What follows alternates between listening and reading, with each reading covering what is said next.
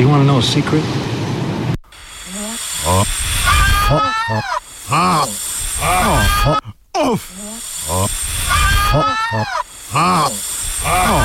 Off komentar. Razdeljena Britanija.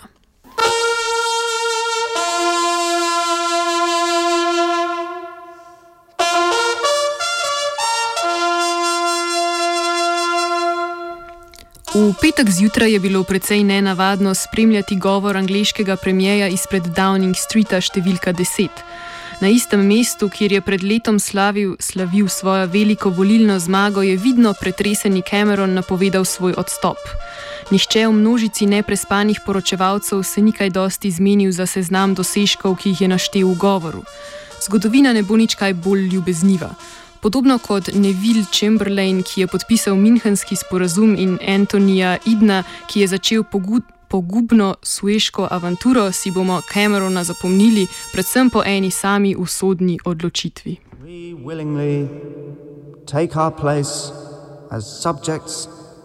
Stripped of the power of protest, subject to the will of the state, we concede our birthright to our rulers forgetful of the struggles of those before us. Referendum o izstopu iz Evropske unije je bil namreč njegova odločitev. Sprejel jo je, da bi umiril prepire v lastni stranki.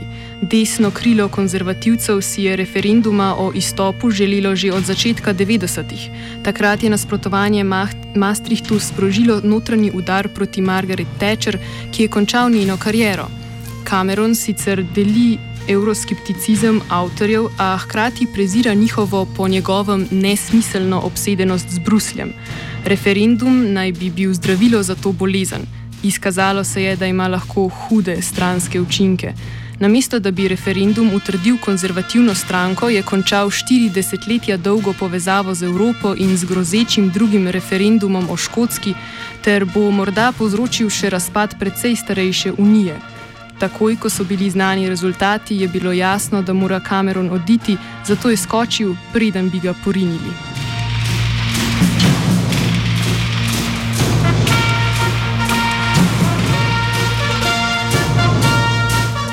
Referendumski rezultati so pokazali globoke razlike, ki obstajajo med Britanci. Najbolj opazne meje so geografske. Dva dela Združenega kraljestva, Škotska in Severna Irska, sta glasovala za ostanek v EU, druga dva, Anglija in Wales, pa proti. Še posebno zanimiva je Škotska. Zakaj so voljivci na Škotskem glasovali tako različno od tistih v zelo podobnem severu Anglije? Najpreprostejši odgovor je, da medtem ko Angliji bentijo nad Brusljem, imajo Škoti zaradi svoje identitete možnost, da raje s prstom žugajo proti Londonu.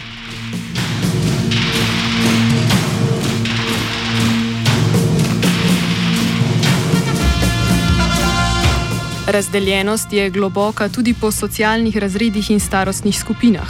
Pokazala sta se dva obraza britanske družbe. Eden podpira multikulturnost in globalizacijo, drugi se v tem procesu počuti odrezanega in prezrtega. Zelo opazana je razklanost po starostni ločnici. Starejše generacije so se v zadnjih dveh desetletjih vedno bolj počutile odrinjene od dinamičnega dela države. Velik del jih ni občutil pridobitve odprtih evropskih meja, tako kot mlajši, ki potujejo, študirajo in delajo po Evropi. Negativne posledice izstopa, s katerimi so jih strašili v nasprotnem taboru, jih zato niso prestrašile. Po njihovem niso imeli kaj izgubiti.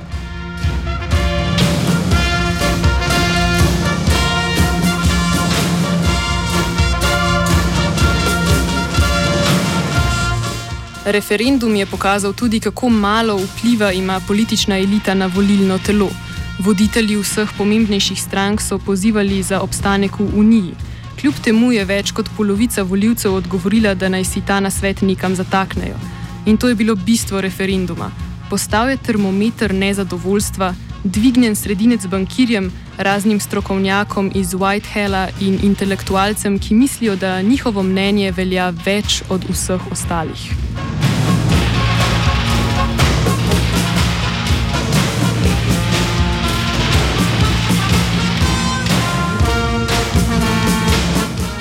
V času nenehnega zategovanja pasu in bančnih bail-outov ne more biti presenečenje, če so opozorila o katastrofalnih posledicah za gospodarstvo, še posebej banke, naletela na gluha ušesa.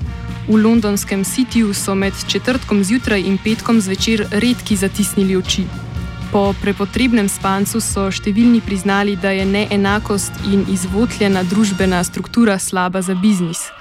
Več kot polovica izmed direktorjev, ki so sodelovali v vprašalniku časopisa Financial Times, meni, da je neenakost razlog za zaskrbljenost.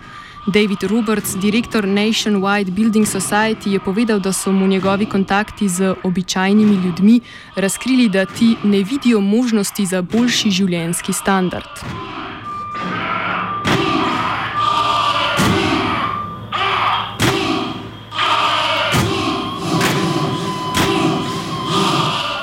Referendum pa razkola ni zgolj razkril, ampak tudi povzročil.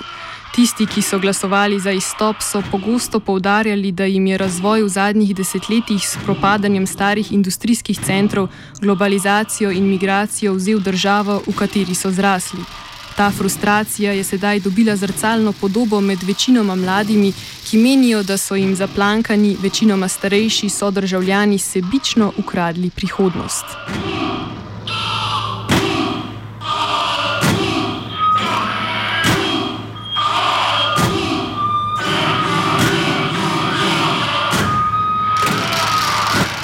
Margaret Thatcher je slavno izjavila, da družba ne obstaja, obstajajo le posamezniki in družine.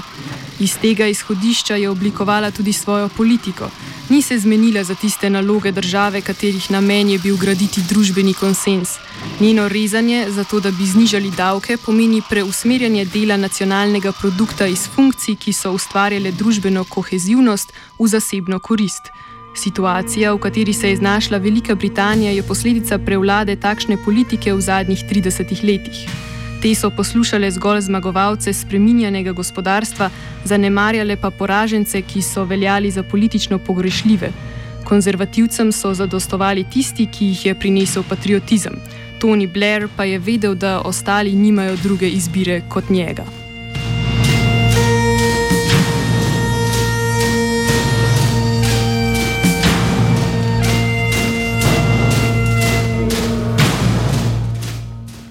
Angliški konzervativci, ki so po drugi svetovni vojni podprli nastanek socialne države, so to storili zato, ker so se spominjali posledic konfliktov in politične radikalizacije v času pred drugo svetovno vojno. Referendum je končni rezultat pozabe, da je socialna država nastala ne zato, da bi uničila kapitalizem, ampak da bi ga rešila. Obnova druža, družbenega konsenza, kjer se bodo državljani spet čutili kot del celote, bo najpomembnejša naloga naslednjega premijeja. Trenutni favorit je simpatično zoprni Boris Johnson, ki je vodil kampanjo iz izstopa. Soočen bo z zakonom prodajalne s keramiko. Kar razbiješ, je tvoje.